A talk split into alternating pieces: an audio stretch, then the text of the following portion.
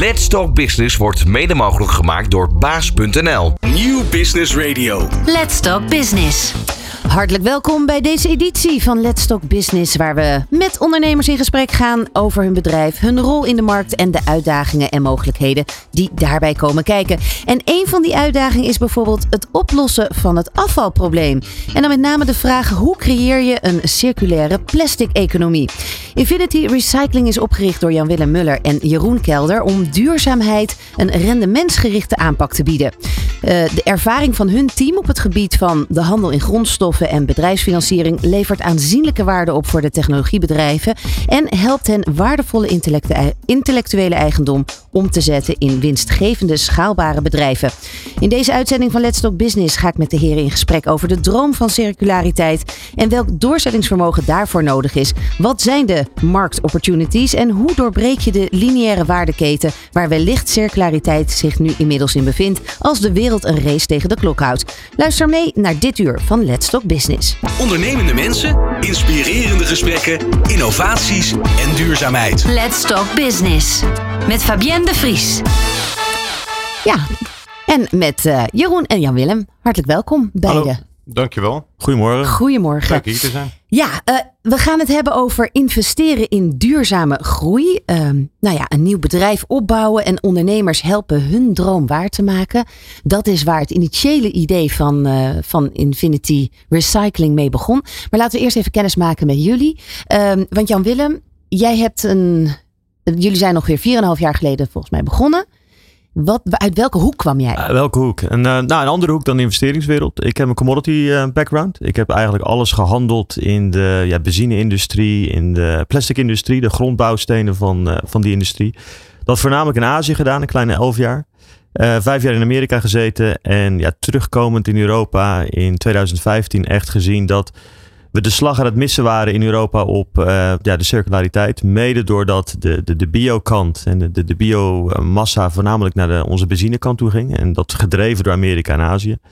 En dat uh, ja, de plastic en de petrochemische industrie hier uh, naastig op zoek was naar wat anders. En zodoende ja, naar Infinity gekomen. Dus ja, volledige carrière switch gemaakt om te kijken om de passie in de circulariteit en ja, die disruptor te zijn in die uh, petrochemische markt die 40 jaar lang uh, ja. onveranderd was. Ja, want het, uh, het, is al, het plastic is volgens mij rond de jaren 50, ja. vorige eeuw, ontstaan. Ja, plastic is fantastic. Ik denk dat dat de bekende Dow-uitdrukking was uit Amerika. En dat is het ook. we vooropstellen, het is een enorm goed product wat ervoor gezorgd heeft dat wij kunnen leven zoals we vandaag leven. Heeft ervoor gezorgd dat we kunnen eten wat we eten, dat je je eten langer houdbaar houdt. Dat we, nou, deze studio, als ik het woord plastic zeg, dan uh, loopt de helft van de studio weg. Ja. Alleen, ja, we zijn en in de medische, medische, en de medische wereld, uh, de auto-industrie, noem het maar op. We zijn alleen vergeten dat het ook uh, ja, dat het eeuwig houdbaar is. En dat er dus uiteindelijk wat gedaan moet worden als de levenscyclus van het product klaar is. En daar is nooit goed over nagedacht. Nee. En daar hebben we nu mee te maken en daar worden we heel hard mee geconfronteerd. Ja, jij, jij, jij kwam dus eigenlijk inderdaad vanuit een andere hoek. Hebt gezien wat er in de wereld daarover ontwikkeld wordt, hoe daarover nagedacht ja. wordt. Zag de paniek in Nederland en dacht, nou, daar heb, daar heb ik een bak kennis in. Ja, nou, de paniek en, en de, de, de ommeturn. Hè. Je, je werkt in een, in een markt die heel erg in silo's werkt. Hè. De petrochemie en, en de brands. En uh, die, die denken aan zichzelf en die zijn heel erg lineair gefocust. Uh, je haalt het uit de grond, uh, je maakt er wat van, je verkoopt het. En jij en ik kopen het om iets te consumeren. En we gooien het weg en daar is iedereen blij mee. Ja, ja en daar zagen we de opportunity om dat terug te brengen. Want het is een prachtig molecuul. Ja, gaan we zo verder ja. over praten. Want inderdaad, ook op jullie website is een heel mooi filmpje te zien. Waarin je eigenlijk plastic bedankt. Bedankt voor wat het jullie allemaal gegeven heeft. Maar goed, vanuit, ja, ik weet, hè, mijn kinderen die luisteren nog wel eens naar Kinderen voor Kinderen. En de plastic soep is, uh, is, een, is, is geen containerbegrip meer. Maar gewoon wel echt een serieuze waarschuwing en een begrip. Um, dat is ook aan de hand. Maar goed, dat is de circulariteit waar we het later over hebben. Ook jij bent in Infinity Recycling uh, gestapt. Waar, uit welke hoek kwam jij? Ik heb eigenlijk uh, tot, uh, tot op heden een carrière gehad in de investeringswereld. Ik heb 18 jaar bij GE gewerkt, groot multinational, waar ik me heel veel bezig heb gehouden met fusies en overname. En voornamelijk ook zeg maar het operationele aspect. Dus je maakt een overname, hoe zorg je ervoor dat die overname uiteindelijk ook rendeert, zodat die operationeel ook geïntegreerd wordt. Daarna heb ik me twaalf jaar echt aan de investeringskant bezig gehouden. Dus geld verschaffen aan ondernemers, maar ook veel aan uh, projecten in de duurzaamheidssector. En die ervaring als hands-on investor van hoe maak je eigenlijk een goed idee investeerbaar? Hoe zorg je ervoor dat het idee uiteindelijk ontwikkeld wordt in iets levensvatbaar, iets wat ook rendeert als investeerder? Dat is eigenlijk wat ik de afgelopen jaren heb meegenomen, waardoor ik eigenlijk ook in deze sector ben beland, waar ik toevallig iemand kende die was bezig met geavanceerde recycling, die had subsidies, die zei van nou, we gaan in Schotland bouwen. En toen kwam ik eigenlijk al snel tot de conclusie, dat was een leuk idee dat die subsidies had en dat die in Schotland kon bouwen, maar dit hele verhaal van geavanceerde recycling kan je eigenlijk alleen maar doen, zeker incubatie, heel dicht bij de bestaande sector. Zodat je synergies kan creëren. Dus met andere woorden, in plaats van Schotland kan je zelf beter in Nederland neerzetten. En Nederland is het petrochemisch hart van, eh, van Europa.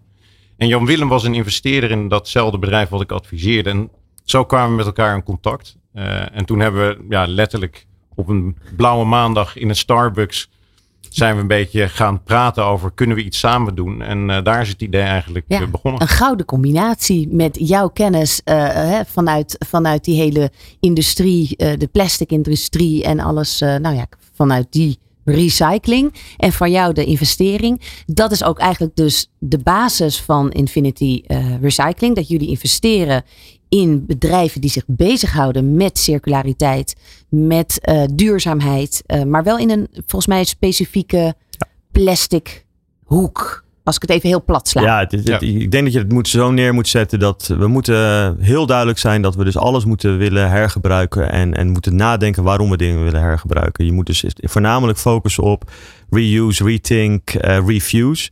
En wij stappen ons eigenlijk alleen maar in wanneer het stukje plastic of het, het product wat je gebruikt gewoon geen waarde meer heeft. En dat helaas uh, beëindigt het dan of in de oceaan of op een landfill of het wordt verbrand.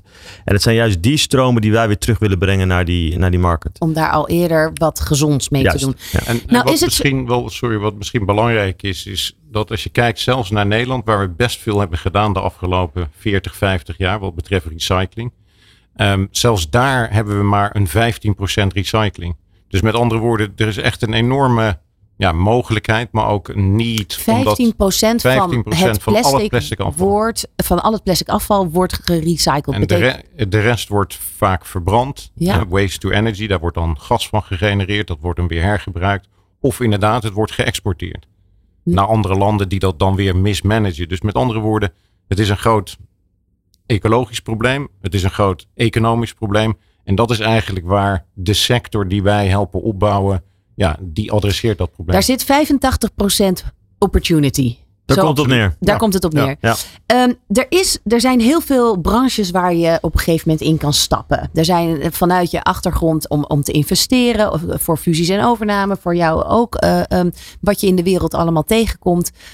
Dan is er een moment dat die duurzaamheid, dat dat die die kriebel in je buik op, oplevert. Dat je denkt, dat is het bedrijf waar what makes my heart tick faster. Mm-hmm. Wat was voor jou, Jan-Willem, dat moment? Of uh, uh, Jeroen? Jeroen. Um, nou, voor mij was wat eigenlijk, wat ik zelf altijd fascinerend vond in mijn carrière, was er waren heel veel mensen met hele slimme ingenieurs met hele goede ideeën. En die worstelden altijd om dat zeg maar investeerbaar te maken. En waar ik de afgelopen jaren mee bezig heb gehouden, is eigenlijk investering in duurzaamheid. Dus wat je dan vaak kreeg als reactie van dat kan niet. Je kan niet en een return maken en duurzaamheid creëren. Dus voor mij die uitdaging zat hem eigenlijk in. Er zijn heel veel ondernemers met goede ideeën. Die kunnen eigenlijk ook investeerbaar gemaakt worden met een beetje hulp en, uh, en, uh, en aandacht. En daarnaast was ik ervan overtuigd, ben ik ervan overtuigd, en dat bewijzen we nu, dat je kan investeren in duurzaamheid en ook daar heel veel geld mee kan verdienen. En dus voor mij het was echt zeg maar die uitdaging van iedereen die zei van nee, dit kan niet en dat gaat nooit werken. Dat ik dacht van nee, dat kan wel. Want als je het heel simpel plat slaat en je ziet het probleem waar we het net over hebben gehad met recycling. Je ziet het probleem met het feit dat we moeten verduurzamen, dat CO2-emissies eh, moeten uh, reduceren. Daar zit een onwijze mogelijkheid in. En het is een economie, een industrie die bestaat, die zal ook blijven bestaan. Ja. Plastic is hier. En plastic zal er ook 20, 30 jaar nog steeds zijn. Dus het onmogelijke mogelijk maken, Precies. daar krijg jij de kick van. Ja. Jan-Willem, wat, want waar, waar zit dan dat milieubewuste bij jou? Ja, het milieubewuste is. Um, ik, ik heb natuurlijk heel mijn leven um, ja, uh, mijn geld verdiend in juist de zwarte economie. En, en, om dat groener te maken, dat, dat zat altijd in het achterhoofd. Ik denk dat het voornamelijk ook geweest is in de tijd dat je in China rondloopt. Hè, dat je daar toch uh, dingen hebt gezien, op fabrieken hebt rondgelopen. Waar als ik dan terug in de hotelkamer was, dat mijn onderkant van mijn schoenenzolen uh, ingebeten waren. en dat je dan bij jezelf bedenkt van ja, dit, dit, dit moet anders kunnen. En ja, toen kwam je natuurlijk met bio-producten in aanmerking. Het is niet zo dat ik op het strand liep en al de plastic zag en dat je dan denkt, wauw, hier moet je wat aan doen. Hè, wat je natuurlijk vaak hoort. Maar het is juist dat, want dat, dat, ja, dat kan je denk je uh, makkelijker doen, het op te halen en te recyclen. Bij mij kwam het echt van het disrupten. Het, het feit dat iets altijd, zeg maar, voor 40, 50 jaar zo is geweest. Waarom moet dat weer hetzelfde zijn? Waarom kan dat niet veranderen? Uh, waarom is, moet, doen we het nog steeds op dezelfde manier? En ik denk, die, dat is voor mij echt een grote motivator geweest. Wanneer toen ik zag dat die mogelijkheid er was. Hè, dat je dus van een, een, gronds, een, een afvalstof die er vandaag is, een nieuwe grondstof kan maken. Dus het is meer van het, de commodity kant en, en van het, het handelskant eh, dat die trigger er was. En dat daardoor ook die circulariteit mogelijk was. Ja, dan was het gewoon twee in één. Ja. Hè, het feit dat je dus een, een, daadwerkelijke impact kan maken op de, op de environment. Maar dat je daarna ook nog die circulariteit kan in, uh, inbannen. En wat Jeroen zegt op een, uh, een winstgevende manier. Want daar ben ik wel van overtuigd. Als je dit niet op een winstgevende manier neer kan zetten gaan we het niet doen. Is er geen animo? Nee, dan, dan uiteindelijk we willen alles doen, maar het valt. Hè, er gaat iets fout op ecologisch op wereldniveau, of er gaat iets in onze portemonnees anders gaan lopen. Wil je het wereldwijd uh, ja. aan kunnen pakken, dan moet het winstgevend moet anders, anders werkt het niet. Ik bedoel, de, de, de doelstellingen in Azië zijn zo anders dan in Europa en in Amerika. Hm. En wij kunnen alle beste bedoelingen hebben, maar als ze in Azië be, be, het niet doen of besluiten om het toch anders te doen, het gaat goedkoper. Ja, dan kunnen wij springen wat we willen, maar. Ja. We gaan er niet tegen kunnen opboksen. Heel even de grondstof te pakken nemen, die, dat, het, het plastic. Um, op welke manier heeft zich dat. Kunnen we daar een soort van tijdlijn heel globaal van maken? Het is in rond 1950 ontstaan. Nou ja, ik denk dat Wat het beste weten we is, daarvan? Ja, laten we gewoon de even heel simpele, de ja, laten we gewoon simpele nummers nemen. Als jij in de laatste uh, 40, 50 jaar kijkt naar de, de, onze wereldeconomie, dat is natuurlijk enorm gegroeid. Onze populatie is gegroeid. Maar als je ziet naar de consumptie van plastic, hè, die dus in de jaren 60 nul was, die staat uh, tien jaar geleden op 300 miljoen ton. Dus je hebt 300 miljoen ton consumptie van plastic. Dat is in tien jaar tijd naar 300 miljoen ton. Ja, en dat is nu 400 miljoen. Show. En wij gaan bij 2050 gaan we naar een miljard. En dat is allemaal op basis van de wereldeconomische groei. Dus hè, dat heeft niks, we moeten daar echt over nadenken. Daar, dat is heeft, logisch. daar is nog niks gerecycled bij. Dat is Dat- gewoon consumptie. Dat is gewoon wat wij consumeren. En dus de, dat gaat, hè, dat kunnen we wat veranderen, maar we gaan dat niet terugbrengen naar 100 miljoen. Let, let's be real. Dat, dat, dat gaat niet gebeuren in een populatie van 8 miljard. Dus waar we naar moeten kijken is, hoe gaan we dat produceren? Want dat is allemaal geproduceerd vandaag met fossil fuel. Hè. Dat is allemaal met olie. Dat, Hmm. dat is heel simpel. Alles wat plastic is, alles wat polyester is, wat je in je kleding hebt, wat je in je auto zit, noem het maar op, is allemaal gebaseerd op olie. Komt dus van een andere grondstof. Absoluut. En daar moeten we naar kijken, is van hoe kunnen we die grondstoffen nu gaan aanpakken? Hè? Door circulariteit, door andere grondstoffen te kiezen, door verschillende methodes moeten we gaan vinden om naar die miljard ton consumptie. Nou, laat het hopelijk minder worden, hè? don't get me wrong. Maar als we daar nou naartoe gaan, dat moeten we gewoon zorgen dat het niet meer van fossiele grondstof afkomt. Nee, want met het huidige plastic wat er is op de wereld kun je niet, eh, kun je niet voldoen aan de economische vraag. Nou ja, dat is een grappige. Er is, Amerika misschien wel wel bekend aan, vele mensen, heeft zichzelf eh, in 2008 uit de economie kunnen helpen doordat ze gas gevonden hebben door het shellcracking, hè, het, kraken van steen en daar gas uit ontwikkelen. Ze hebben uitgerekend dat de voorraden aan plastic afval in de Amerikaanse bodem, in, in de landfills, zit meer waarde en meer grondstof in dan er aan, shell, aan voorraden aan gas zitten in de grond. Zo. Nou, of het nou waar is of niet, het is in ieder geval, en dat is door een redelijk officieel bureau neergezet. Dus je hebt de hoeveelheid ton plastic. Hè, we hebben de afgelopen jaren steeds die honderden miljoenen plastic geproduceerd. En dat ligt nu gewoon ja, op, op landfills. En als we dat in staat zijn om te zetten, weer naar nieuwe grondstoffen en daar weer plastic van te maken, ja, dan zorgen wij er gewoon voor dat we die circulariteit Ja, in hand brengen. Want daar zit, daar zit die circulariteit Ja. dat, je, dat je dus eigenlijk van afval weer de basisgrondstof, oftewel olie, Precies. moet maken om weer nieuw plastic te Ja, maken. of andere plastics of, of op basisgrondstoffen. Je moet kijken. andere plastics? Welke andere Nou, plastics je, kan ook kijken, een, een, het mooie voorbeeld van de welbekende petfles, die we allemaal thuis eh, veel gebruiken, of je kledingstuk van je trainingsshirtje van polyester. Die zijn er allebei door technologieën om te zetten naar weer de bouwstenen waar die polyester van gemaakt is. Eh, het gaat er even niet wat is, maar dat is geen olie. Dat gaat weer terug naar een kunststofje. Hm. Maar dan kun je alle contaminanten uithalen. Maar je plastic zak wat je thuis hebt, of je Tupperware bakje, of, of eh, andere zaken, die moet je allemaal terugbrengen naar olie. En die breng je weer terug dan weer naar plastic. Ja, want uh, in dat filmpje zag ik inderdaad een soort. Uh, nou ja, je ziet natuurlijk eerst die, die plastic uh, afval. van gekleurde dingen allemaal door elkaar. En dat, daar komt dan op een gegeven moment in het filmpje. zie ik een soort schonig, schone vlokken. Ja. Moeten we het daar zo over hebben? Laten we het daar zo over hebben. Van hippe start-up tot ijzersterke multinational. Iedereen praat mee. Dit is New Business Radio. Van hippe start-up tot ijzersterke multinational. Iedereen praat mee. Dit is New Business Radio. En wij praten verder over investeren in duurzame groei en dan, nou ja, en de, de circulariteit van plastic, waarin plastic natuurlijk een heel negatief, negatief imago heeft. En um, uh, Infinity Recycling eigenlijk juist ook die perceptie wil, uh, nou ja, wil veranderen. Dat het juist iets, dat, we, dat we van elke afvalvorm iets positiefs moeten maken om uiteindelijk aan alle doelstellingen van duurzaamheid te kunnen voldoen. Uh, jij houdt je bezig, um, Jeroen, met de investering en overname. En met name dus de investering van bedrijven die zich met dit soort groei bezighouden.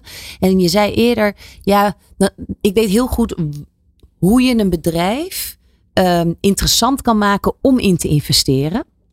En dan met name op dit gebied. Want kan je daar een voorbeeld van noemen van hoe je een bedrijf wat zich bezighoudt, wat denkt goed bezig te zijn met duurzaamheid, met, circu, uh, met de circulaire economie of met een product wat, wat dat ondersteunt, wat dan misschien nog niet investeerbaar is? Ja, goede vraag. En dat is iets wat we eigenlijk continu tegenkomen. En het heeft eigenlijk heel veel is herkenbaar, denk ik, voor mensen die, die zich bezighouden met investeren. En dat zijn eigenlijk, zeg maar, ja, early stage challenges. Dat betekent dat wat je vaak ziet met de teams waar wij naar kijken, dat zijn founder-led teams. Dus dat zijn ingenieurs die onwijs goed zijn in het verbeteren van technologie. Terwijl als wij instappen, willen we dat die technologie gaat opschalen. Dat is eigenlijk vereist een hele andere competentie. Dus met andere woorden, als wij instappen, willen we ook graag dat het team zich daarop aanpast. Dat je andere competenties inbrengt die beter zijn in het opschalen. Dus hè, execution, team, dat is één ding. Het tweede is vaak dat je. Want wat is daarvoor nodig? Nou, daar heb je dus andere mensen vaak voor nodig. Mm. En dan moet je zeggen van nou, kan ik dat zelf zeg maar verder brengen? Of moet er inderdaad iemand anders zijn die dat al eerder heeft gedaan, die opschaling? Ja. Wat je vaak ziet met ingenieurs is dat ze te veel zeg maar in de cyclus blijven van we gaan het verder verbeteren, we gaan het verder verbeteren. En als je iets wil opschalen, moet je op een gegeven moment, je have to freeze the design. Mm. En dan moet je zeggen van dit is dit design, nu ga ik het opschalen. Dat is onwijs moeilijk voor iemand die het heeft Bedacht. verzonnen, die het heeft bedacht. Die vindt dat onwijs moeilijk, dat is hun baby. Dus daar heb je vaak andere competenties voor nodig. Dus dat is één zaak waar we dus vaak tegenaan lopen en wat we moeten adresseren. Het tweede, en daar zijn Jan Willem en ik eigenlijk al ja, vijf jaar mee bezig, is dat je moet zorgen dat je het in de juiste omgeving neerzet. En net als een bloem. Een bloem moet je ergens op een bepaalde plek in de tuin neerzetten. Je moet zorgen dat het wat water krijgt, wat zonlicht krijgt, anders gaat het niet bloeien. Dat hetzelfde met zulke soort bedrijven. Je moet het neerzetten waar er synergieën zijn met andere stakeholders in die waardeketen. Waar hè, bijvoorbeeld de supplier, dus de, de aanbieder van het afval, redelijk uh, dichtbij staat. Zodat je niet heel veel geld en energie kwijt bent om dat plastic afval naar jouw faciliteit te brengen. Ja, dus hetzelfde, geografisch. Ja. Precies, hetzelfde ja. geldt voor het product wat je produceert. Je wil zorgen dat je dat heel snel ook en efficiënt kan transporteren. En dat is waarom Nederland als land en ja, Noordwest-Europa in het algemeen de juiste randvoorwaarden heeft voor deze industrie om dit op te schalen en te incuberen. Omdat we zo dicht bij elkaar Precies, alles we, hebben. we hebben hier de petrochemie, want uiteindelijk draait dit om de petrochemie verduurzamen. Dus je hebt een plasticsindustrie. Plastics blijft bestaan, daar hebben we het net over gehad. Plastic is fantastic. Maar waar je voor moet zorgen is dat je een andere grondstof gebruikt. Dus in plaats van een fossiele grondstof, een duurzame grondstof die gemaakt is uit plastic afval. En wat het dus betekent is dat je de bestaande industrie moet gebruiken. Nou, die staat in Europa toevallig in Noordwest-Europa. Nederland is ook redelijk goed wat betreft logistiek. Dus als je dingen moet transporteren, kunnen we dat redelijk efficiënt en makkelijk doen. En qua recycling zijn we, ondanks het feit dat we eigenlijk nog steeds niet heel ver gevorderd zijn, zijn we vaak beter dan de ons omringende landen. Dus dat is ook een van de redenen dat wij oorspronkelijk hebben besloten om het in Nederland op te zetten. En ons echt in eerste instantie op zeg maar Noordwest-Europa te Ja. richten. Ja, want jij, want woont zelf in, in, in Londen ik, of in ja, ik woon eigenlijk al eh, ja, een groot deel van mijn leven in het buitenland. Ik ben deels in het buitenland opgegroeid. Ik ben na mijn studie ook gelijk naar het buitenland gegaan. Ik woon nu 23 jaar in Londen. Ehm, Ja, want welke rol speelt Nederland? Want je, eh, je zei net ook eh, tijdens het plaatje, we denken dat, dat alle, alle gekkigheid en de, de slechtigheid aangaande de, eh, de vervuiling vanuit Azië komt. Maar eigenlijk speelt Nederland een veel crucialere rol. Nou, de- plastic is eigenlijk een probleem overal ter wereld. Dus ook in Nederland, waar we dan goed zijn, eh, wordt een heel groot deel van ons plastic afval nog steeds verbrand. En dat eh, betekent twee dingen: CO2-emissies, maar ook in zekere zin vernietiging van een grondstof die economische waarde heeft. Dus in Nederland, ondanks het feit dat al het plastic afval wordt opgehaald, het wordt netjes gesorteerd en wij zien het eigenlijk niet als consumenten, is er eigenlijk nog steeds een probleem. Want ja, 85% van ons plastic afval wordt niet hergebruikt. En ik denk dat dat heel belangrijk is om juist ons ook hier te realiseren. We moeten stappen maken. En we kunnen als Nederland, ik denk, twee dingen, twee uitgangspunten kiezen. Eén, we moeten zelf duurzamer worden. Dus onze eigen footprint moet omlaag. En dit is dus een manier waarop we dat kunnen doen. Maar belangrijker nog, dit is voor Nederland een hele mooie ja, industrie waar we eigenlijk leidend in kunnen worden. Hm. En waar we een soort van water 2.0 de wereld ja, kunnen, kunnen verrijken met onze kennis en onze ervaring daarin. Dus Ja. wij zien ook echt een aantal fases in die hele transitie. De eerste is uiteraard opschalen van die technologieën, optimaliseren van die hele industrie. Maar de tweede fase is inderdaad, hoe kunnen we dat internationaal wegzetten? Hoe kunnen we met de ervaring die wij hier ontwikkelen, andere landen ook helpen in die transitie? Nou, dat is, een, dat is de droom. Dat is de visie ook die jullie eh, hebben en waar jullie 4,5 jaar geleden mee begonnen zijn. En dan, nou ja, jij zat natuurlijk al een beetje in die investeringshoek, want dan begin je met elkaar. En wat was de eerste hobbel die jullie tegenkwamen? De eerste. Oh, er zijn er vele gevolgd. Misschien? Nou, ik denk, ik denk dat de, de eerste hobbel gewoon is, je moet, zoals alles, je moet een idee hebben en je moet convictie hebben wat je wil doen. En ik denk dat de eerste hobbel die we tegen zijn komen is eh, onze nuchterheid. Eh, denkende dat we dit met een, een, een dat vind fonds wel zouden... heel mooi, deze zelfreflectie. ja, ja, om met, met, om, Niet buiten, buiten de dingen zoeken, ja, maar je, bent gewoon te, te Hollands. En je, je, je bent, eh, ja, we gaan het klein beginnen en we gaan, ehm, we beginnen een fonds van 25 miljoen. En dan gaan we dat wel even, dan gaan we dat, dan gaan we daar meer starten, want we zijn de eerste keer. En ik denk dat we daar gewoon echt een, een, een, een fout gemaakt hebben, omdat we veel moeten beseffen dat er is gewoon veel meer kapitaal nodig om dit te verwezenlijken. Wauw, dus jij moest echt even vanuit jouw Nederlandse nuchterheid je. Amerikaanse laadje opentrekken om te denken van denk- sky is the limit. En Ja. die hebben we ook nodig. Ik denk dat we daar allebei gewoon, toen ik kan me herinneren, we zaten de eerste keer samen eh, ja, dit concept uit te werken. En ik denk dat de, een van de mooiste complimenten die we ook gehad hebben, is dat wat we van dag één aan mensen verteld hebben wat we gingen doen. Dat is nooit veranderd. Hè? Het idee wat er staat, we gaan technologieën helpen en eh, dat afval omzetten naar een grondstof. Ehm, dat hele concept is altijd hetzelfde gebleven. Alleen hoe we dat in de markt hebben gezet, hè, met de partners met wie we dat samen hebben gedaan, dat is echt een hele weg geweest. En ik denk dat natuurlijk het geld ophalen en de eerste bedrijven vinden is, is lastig, maar het concept eh, neerzetten en beseffen dat dit echt eh, ja, een veel professionelere aanpak kan, dat was de eerste hobbel. Maar dan die, die competenties, dat je ook weet wat je aan elkaar hebt. Maar ook weet, en ik denk dat dat met leeftijd te maken heeft, wat je niet kan. Ik denk dat, het heel, dat we heel goed zijn in het beseffen waar Want we niet hoe goed oud in zijn zijn. jullie?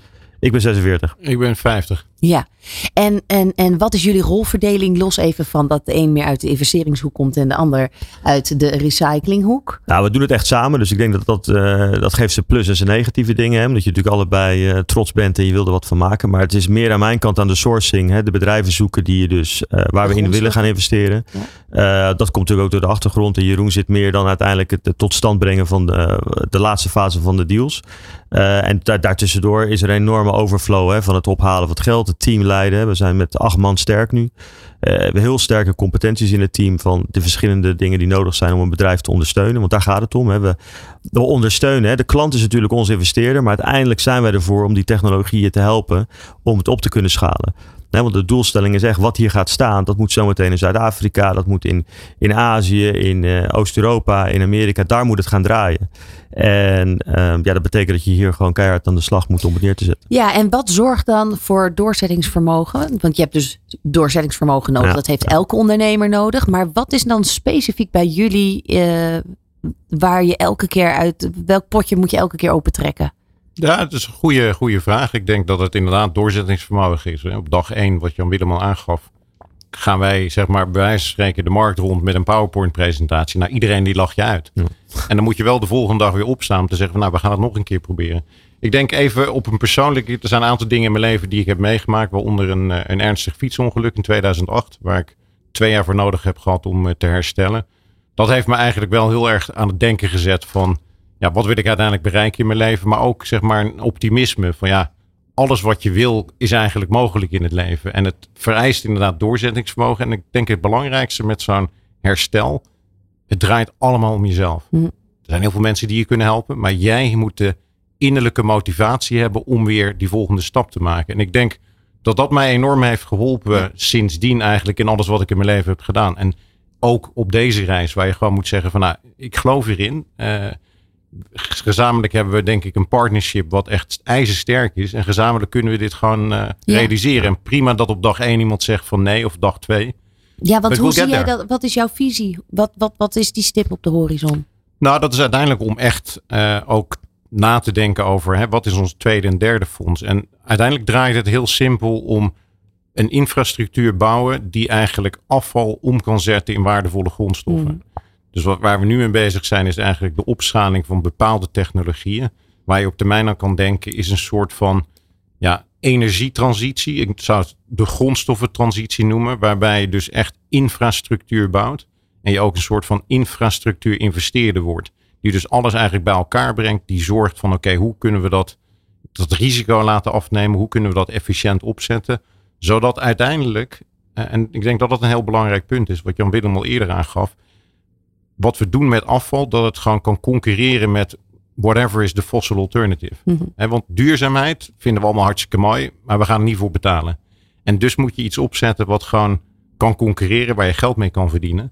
Eh, en waar je dus uiteindelijk de wereld mee eh, kan verduurzamen. Verbeteren, ja. Eh, Dat uitlachen als je met je verhaal hierover aankomt, herken jij dat? Ja, nee, dat is duidelijk. Ik bedoel, eh, first time team, first time Wa- wa- fun. waar lachen ze dan om?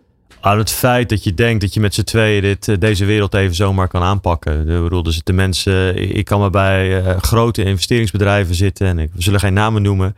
Die zeggen, ja, nee, de, de, de impact investeren, dat, dat is er nog niet. Er moeten professionele investeerders naar kijken. Dus nou, wat gebeurt er? Heel veel van die professionele investeerders, die, die plakken een, eh, een beetje grappig te zeggen, een impact sticker op hun businessplan. En dan zijn ze opeens een ESG-investeerder. Ja. Nog zo'n term waar we overal mee doodgegooid worden. Greenwash. Het greenwashen. En ik denk wat, wat wij gewoon neerzetten is, ja, in die end investeren wij gewoon in, in eh, ja, voeten op de grond, in bricks, eh, in staal eigenlijk, die fabrieken die een probleem oplossen. En ik denk dat we dat echt neerzetten. Er is een probleem, dat lossen we op. Wat ze ook heel snel aan ons zeggen is, ja, jullie zitten in een niche. Ja, jullie zitten in een hele kleine markt, eh, dat stelt niks voor. En ik denk dat terugkomend op je eerdere vraag, ja, waarom, wat, waar haal je je doorzettingsvermogen van? Dit wordt een markt, we hadden het er net al over, hè, van een miljard ton plastic bij 2050. Als je dat gaat beseffen in dollars, en dat, dat kost veel moeite. Het is dat, dat, heeft de, de, ja, dat is een zo'n brede markt van, Ja. van 3, 4, 500 miljard eh, tussen nu en 10 en 20 jaar.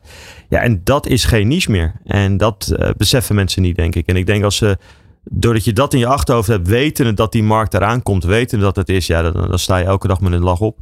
En, eh, En jullie geven ook best wel veel eh, eh, presentaties bij Ja, ja. eh, beurzen en bijeenkomsten en dergelijke. Nou, daar, daar breng je die boodschap natuurlijk ook over, die jij nu net vertelt.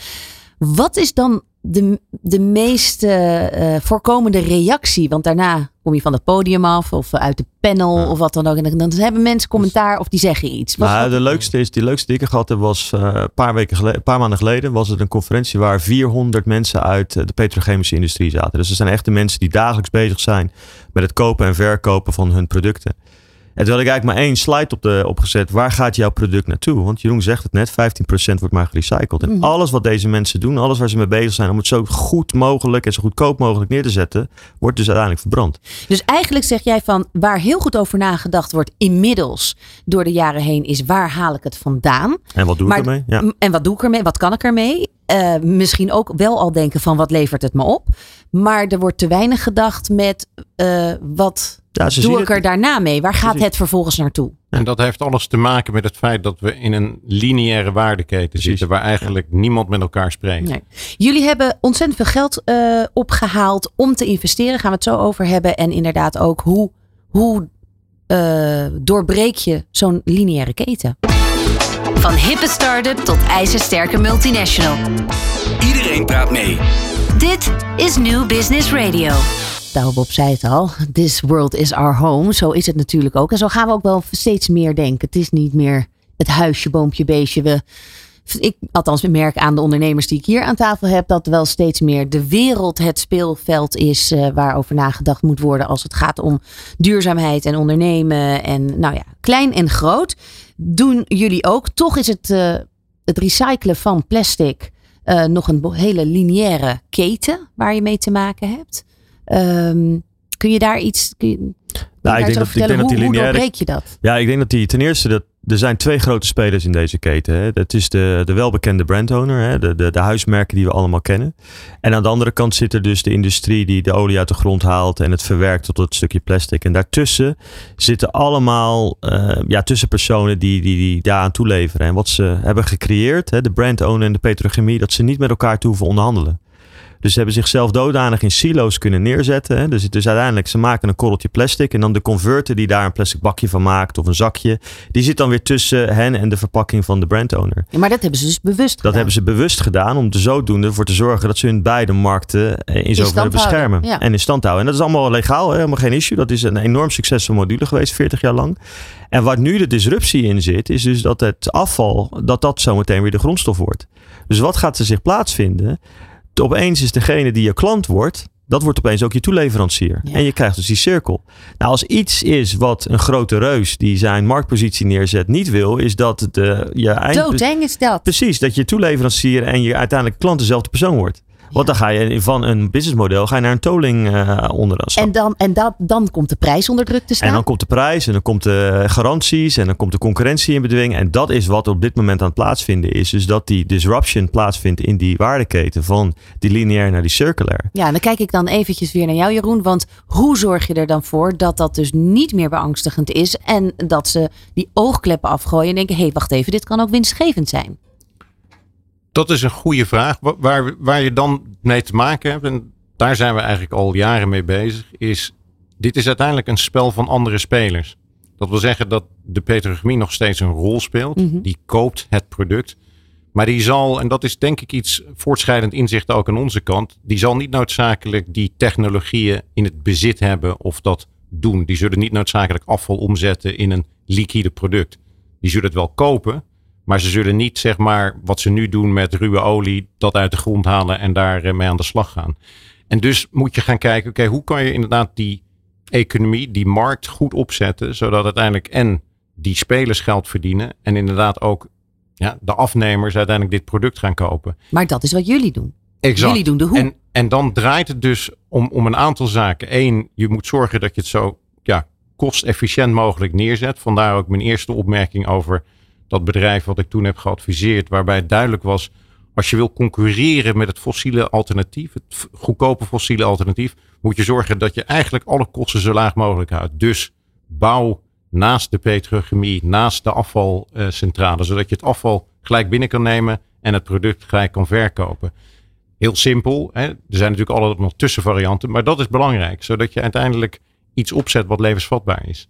Eh, Daarnaast moet je dan zorgen dat waar je het kan opschalen, dat je dat ook doet. Dus met andere woorden, waar wij heel veel nadruk op leggen voor onze bedrijven, is dat ze in een hub eh, die plant gaan bouwen. Zodat je uiteindelijk synergies hebt met andere partijen die in die hub staan. Zodat je ook bijvoorbeeld qua permits ehm, dat redelijk snel vergunningen, Ja. dat redelijk snel kan organiseren. Dus er zijn allemaal van die randvoorwaarden waar je dan aandacht aan moet schenken. Waar je ook die, dat managementteam van moet overtuigen. Die er dan voor kunnen zorgen dat inderdaad iets ook economisch levensvatbaar is. Ja. Het voelt als best echt een ehm, logschip waar jullie eh, op zijn gestapt met elkaar. Wat, waar, waar echt ontzettend veel, dat is het leuke, dan is er ook heel veel te winnen en heel veel te verschuiven. Eh, maar dat, hè, nou ja, dat, hebben jullie, dat, dat doen jullie goed, want jullie hebben eh, een fonds kunnen opzetten waar 105 miljoen in zit. Wat, was, wat was de belangrijkste nou, eh, reden dat dit gelukt is? Het is denk ik doorzettingsvermogen. Maar het is ook denk ik wat we heel bewust hebben gedaan. Wat Jan Willem al aangaf. De uitdaging in de fondsmanagementindustrie is dat je als first-time team en een first-time fund heb je weinig geloofwaardigheid of geen geloofwaardigheid. Dus je moet heel erg bewust omgaan van waar zit mijn kracht? En waar zit de kracht van de boodschap ook? Hoe, ja, hoe kan ik dat dan omzetten in een eerste commitment? En als ik dan die eerste commitment heb, wat ga ik ermee doen zodat ik kan aantonen dat wat ik uiteindelijk wil gaan doen, investeren, het bijeenbrengen van een team, dat ik dat succesvol kan doen. En dat hebben we eigenlijk in die fundraising ook neergezet. Die eerste close, dat waren een aantal ja, strategische investeerders, maar ook institutionele investeerders, die en zagen dat wij gewoon heel veel kennis hadden, die ook zagen van dit is inderdaad een belangrijke mogelijkheid, uh, maar die ook een strategisch in sommige gevallen belang hadden van deze industrie die we aan het ontwikkelen zijn. Dat heeft ons in staat gesteld een team samen te stellen, investeringen te maken. En zodoende kan je naar een tweede close gaan en een derde close. Ja, dus je hebt een slimme route nodig van uh, wie, zijn, wie zijn de hoogst nodige hierin of hebben daar echt als eerste baat bij en dan krijg je een sneeuwbaleffect. Ja, ja, absoluut. Die 105 miljoen, wat gaat daarmee, wat, ik bedoel, daar gaan jullie in investeren, mee investeren absoluut. uiteraard. Ja, dat bedoel, ja, sorry. Ja. Dat doel is dus 10 tot 12 de bedrijven daarin uh, neer te zetten in, uh, ja, in de Noordwest-Europa kant. En dus echt, uh, er zijn eigenlijk een aantal grote doelstellingen. Eén is capaciteit. dit is een, een, markt, we, gaan, we stappen in een commodity markt. Mm -hmm. We stappen dus in een markt waar uiteindelijk alles draait om prijs en, en, en tijd, wanneer je het aanlevert, en schaal. En dat is op dit moment het, grote probleem. Wij, wij draaien geen technologische risico's. De, dat is het oh, nog, vind ik nog steeds het meest bizarre. Dat de technologieën die wij neerzetten, die bestaan al 40, 50 jaar het omzetten van, van plastic naar een olie, dat is niet nieuw. Hè? Dat is eh, door de jaren heen al vele malen gedaan. Dat zorgt ook, hè, dat is een goede USP naar de investeerders toe, dat er geen risico is. Juist, en het is die scaling risk en daar zitten wij in. Hè? Van, die, van die paar duizend ton naar die honderdduizend ton of naar die tienduizend ton. Het is volume. haalbaar. En die moet je halen en die financieren wij en die de-risken wij door neer te onze propositie neer te zetten. En daar speel je dan weer in, want hè, laten we even zeggen, we maken de petrochemie hier wat belachelijk, maar dat is natuurlijk niet zo. Het is een enorm sterke industrie. Je moet ze alleen bespelen. En als jij in het bezit bent van een scarce commodity, ja, dan gaan ze naar je luisteren. En ik denk dat we die stap heel goed neerzetten. Dat we dus die technologieën helpen. Die maken producten die zij willen hebben. En we weten precies wat ze nodig hebben. En doordat je dat maakt wat zij nodig hebben, dan gaat dat automatisch speelveld komen. Ze komen met aankoopcontracten, ze komen met die demand. En dat geeft ja, onze investeerders ook de, ja, de, het vertrouwen dat wanneer deze plans het ook gaan draaien, dat uiteindelijk ook de afzetmarkt ja. is. En, ik snap dat er gezegd wordt van je zit een beetje in een niche, uh, hè, want dit is echt heel erg uh, peer-to-peer en, en, en nou ja, uh, binnen een bepaalde industrie. Ik kan me wel voorstellen dat er luisteraars zijn die zeggen, ik vind dit wel een interessant verhaal. Is er überhaupt een mogelijkheid om als particulier of als bedrijf hierin op deze, op, in deze luchtvaart op te stappen? Nou goed, er is heel veel momentum, voornamelijk vanuit ja. institutionele investeerders nu. Omdat ik wat ik aangaf, we hebben het eigenlijk goed de-risked. En we hebben ook aangetoond, we hebben nu uh, vier portfoliobedrijven. En we hebben zo'n, wat is het, 20, 25 procent van ons kapitaal al gedeployed. Uh, dus dit is het moment voor heel veel institutionele investeerders om binnen te stappen er is inderdaad de mogelijkheid voor kleinere professionele investeerders om in te stappen. Denk aan high net worth individuals, family offices. Ja. Maar we hebben wel minimum ticket sizes. Dus dat kunnen we Ja. op zich faciliteren. Maar wat wij vaak aanraden is dat mensen inderdaad werken met een multifamily office die dat kan consolideren. Zodat Precies. uiteindelijk vanuit ons oogpunt, maar ook vanuit het oogpunt van de investeerder, dat we redelijk efficiënt neer kunnen zetten. Ja, maar ja, goed, het is natuurlijk aantrekkelijk dat er weinig risico eh, is als het gaat om de grondstof zelf. Om de grondstof en om het verkoop Het en, de- en technologie niet. De scaling risk, dat is hem. Ehm, blik op de toekomst. Wat staat er eh, het komende jaar eigenlijk? Eh, want ja, hè, de, de, de, de- het, fonds, het fonds is goed gevuld. Er gaat geïnvesteerd worden. De- Bedrijven gaan opschalen die binnen jullie fonds eh, vallen. Er zijn, de Wat is de grootste uitdaging? Er zijn denk ik twee, drie zaken die, die belangrijk zijn voor ons in de komende jaren. Eén is, we willen uiteindelijk het fonds naar 180 brengen, eh, onze hardcap. En dat zal voor het eind van het jaar plaatsvinden. Wat ik zeg, er is onwijs veel momentum. Het tweede is inderdaad dat geld dan wegzetten. En Wat we eigenlijk zien, en dat hebben we ook bewezen met een aantal huidige investeringen, dat is vaak in verschillende fases. Dus de eerste fase is, wij stappen in, vaak als enige investeerder.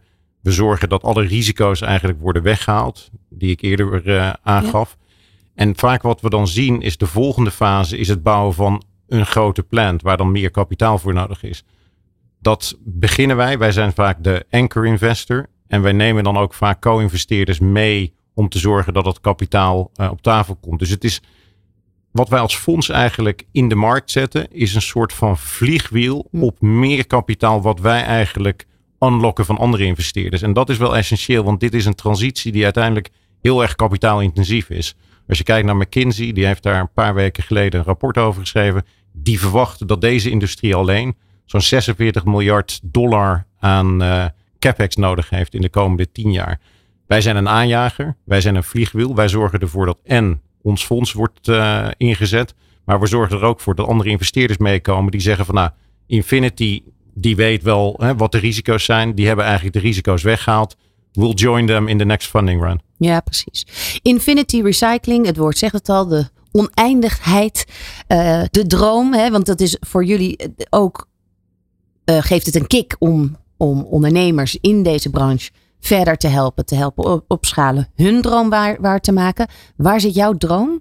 Mijn droom? Uh, mijn droom is ja, luister, dat, dat je zo meteen die fabrieken ziet staan en dat die olie eruit komt. Ja. En dat je in staat bent, uh, die disruptie die je dus eh, voor ogen hebt gehad, dat je die voor je gebeurt. En dat, dat is, we zien de eerste fronten. We zijn, we zijn in staat geweest dat een, een, een, een, ja, een merk koopt nu deze olies en geeft dat aan de petrochemie om daar zijn eigen plastic van te maken. Nou, dat is iets wat we Hè, terugkomend op je eerdere opmerking, daar werd lacherig over gedaan en dat hebben we zien verwezenlijken. Ja. Dus en misschien ook wel dat die productie toch gaat afnemen. Of, ja, dus, of tenminste dat de, de hoeveelheden die er zijn, de, de, de gigantische tonnen die jij in het begin uh, noemde, tot aan 400, 500 ton. Ja. 100 ton zal het misschien nooit worden, maar dat daar wel een kentering op ja, een dat je, dat. En dat je dat ziet omdraaien en dat we dus de raffinaderijen zien dichtgaan en dat je dus daadwerkelijk die veranderingen in die grondstofindustrie ziet. Ik denk dat dat echt, uh, ja, als dat neergezet wordt, dan... Uh, We did our job. Nou, prachtig. Jeroen Kelder, Jan-Willem Muller van Infinity Recycling. Dankjewel en heel veel succes met jullie crusade, jullie pionierschap en, uh, en uiteraard met, uh, met het helpen van alle andere ondernemers, maar vooral met het, met het vliegwiel. Super, hartstikke bedankt. Van hippe start-up tot ijzersterke multinational. Iedereen praat mee. Dit is New Business Radio.